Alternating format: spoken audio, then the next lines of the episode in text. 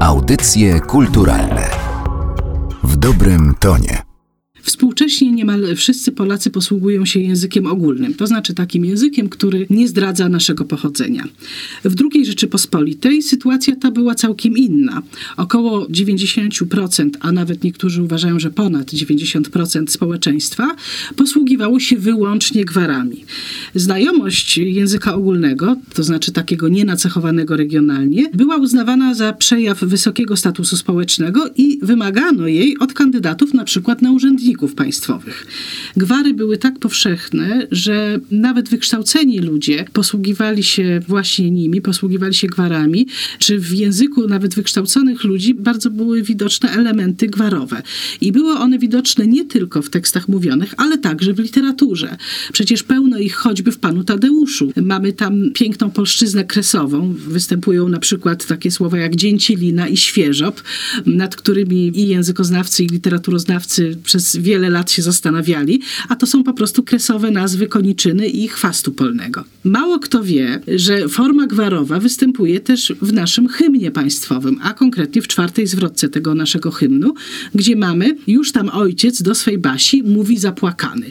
Można by się zastanawiać, kto był tutaj zapłakany, prawda? Wszyscy by powiedzieli, że ojciec jest zapłakany, skoro ojciec mówi zapłakany.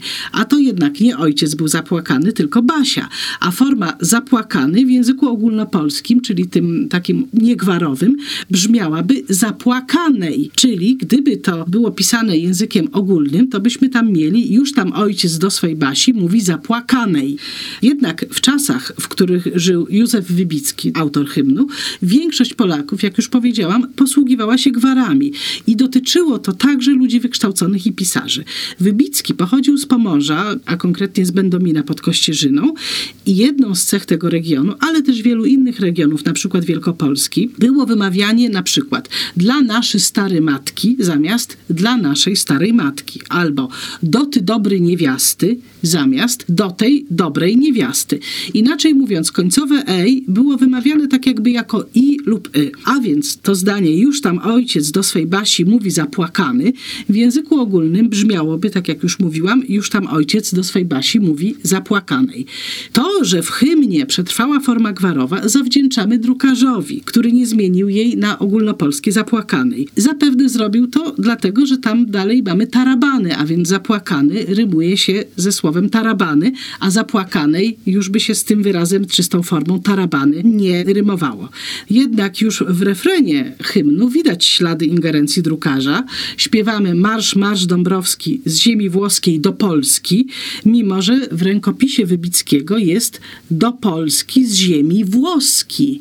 I tam też mamy z ziemi włoskiej, a nie włoskiej. Tutaj, ponieważ dało się zachować rytm i rym tego utworu, stosując tę formę ogólnopolską, to drukarz zamienił właśnie do Polski z ziemi włoskiej, zamienił na z ziemi włoskiej do Polski. No, jak widać, na formę najważniejszych dla naszej kultury tekstów wpływ mieli nie tylko ich autorzy, lecz także drukarze, którzy dawniej byli czymś w rodzaju redaktorów i też bardzo często poprawiali ortografię i można powiedzieć, że w dużej mierze to właśnie dzięki drukarzom ortografia polska się ujednoliciła. Dzisiaj oczywiście sytuacja z dialektami wygląda zupełnie inaczej niż kiedyś. Większość Polaków posługuje się jako pierwszym językiem ogólnopolskim. Mamy pięć dialektów, to są dialekty mazowiecki, małopolski, wielkopolski i śląski, które dzielą się jeszcze na różne gwary, a właściwie na przykład ten dialekt śląski dzieli się na kilka jeszcze odrębnych takich jakby poddialektów.